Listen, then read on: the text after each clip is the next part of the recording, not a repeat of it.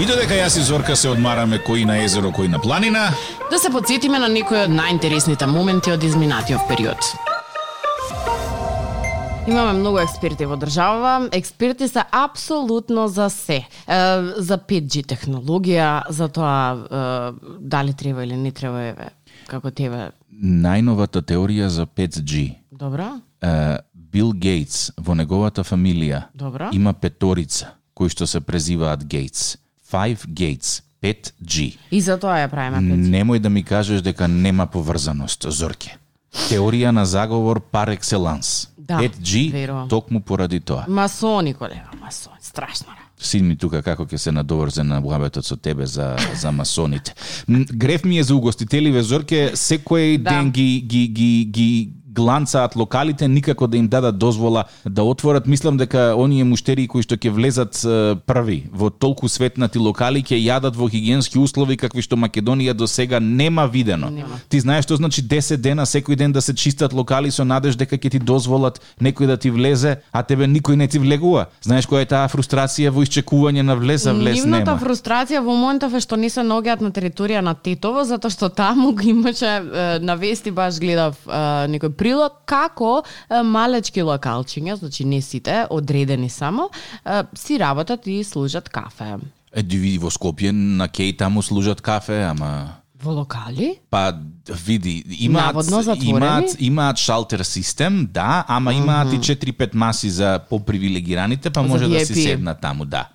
Направено е така нешто алаш вери шуш буш да не се Аха. примети плюс тоа таму не може да патрулира полиција со возило, Да. мора пешки додат А полицајците и полицајот нема дека пички представа што се а, случи. нема грешка. Да, да, да. Па ти не Интересна знаеш, работа. сите конзументи на лесни опојни droги кои што ги конзумираат тие лесни опојни droги у парк додека полиција е, возеше со Марица, сега се преселени доле на трчачка патека на Вардар, затоа што таму полиција не им доаѓа и ти одиш да возиш велосипед попладне и она те заплискува мирис на, Од на свашта. марихуана. Да, мислам како ги, Не, ги знаеш што ми е, решија човече. знаеш што ми е многу интересно за е, девијантните појави и општо за за се што се случува со не знам некој криминален шмек, ајде да кажам така да се изразам, знаат сите, освен тие што треба да знаат. Така е. Као, тие се некои јавни тајни за кои што шш, да не чуе некој. Кој да не чуе никој, ние на радио зборуваме за тие, мислам сите знаат кој каде што Да, прави. и, и што каде што се наоѓа и каде што се прави, само што замижуваш вака, не, не е тоа така.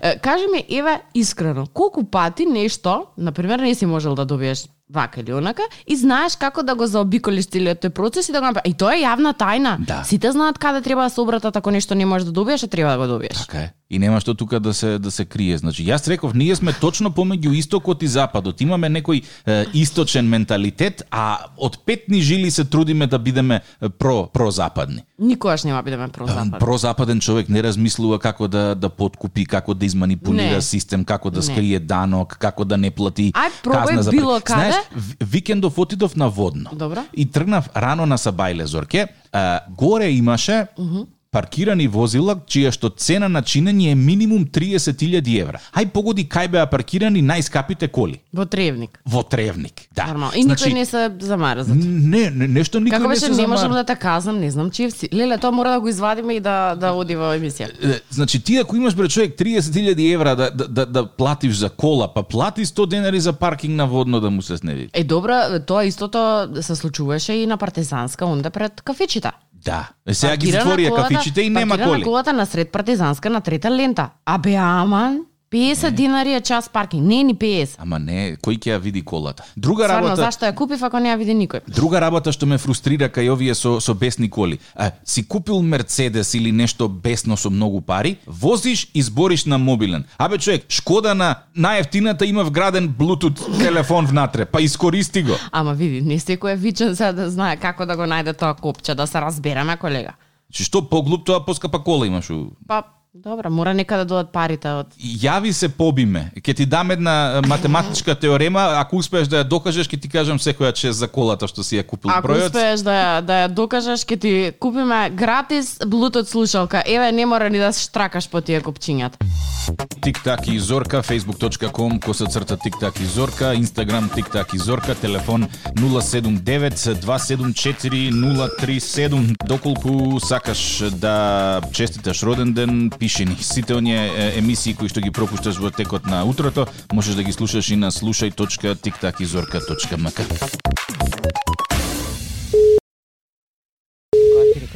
Ало? Ало, добро утро! Како си? Добро, добро утро. Све Добро под утро. контрола денеска? Сова се Супер. тик-так Одлично, и така зорка. треба да биде ваков убав сончев ден, па уште и 20 мај. Ау, Да. што да ти кажам. Па и мене роден ден, Па и среќен роден ден. па и, па и ваква и годишнина. Ау, Од што две во годишнина? едно. Ма три во едно. Кој е Две. третото, кажи ми сега, ме, ме, ме, ми ја по, пробуди љубопитноста. Е, па три во едно и матурска. Тогаш на 20 мај матура ми беше. И знаеш кој баксус е, имаш три во едно, а не можеш да славиш две од три. Тоа Ни- третото ништо не нека кој можеш ќе да го славиш. протуркаш. Чекај сега, Така, не така, сватив така. роден ден, а, годишнина од матура и Годишнина од брак. свадба.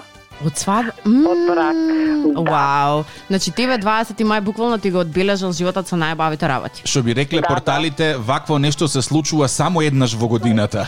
Еднаш во 100 години. Не можам да си поверувам. да. Е, Ќе остане желбата и надешта дека следната година убаво, како што треба, ќе си прославиш се. Денес Така, се така. надавам дека си обкружена со позитивни луѓе, а тие позитивни луѓе мислат на тебе и ем, Се решија викаат мама, тоци, лиле и розе. да решија да ти го честитаат е, роденденот преку Роза. радио. Да, Е, мама, Тоци, Лиле и Розе. Фала и многу, фала ви. Е, фала ти тебе. Се надавам ваква позитивна енергија ќе те држи во текот на целиот ден, па се слушаме до Леле да ме година. расплака. Фала. Ајде, Во убав секое ден. време. Фала.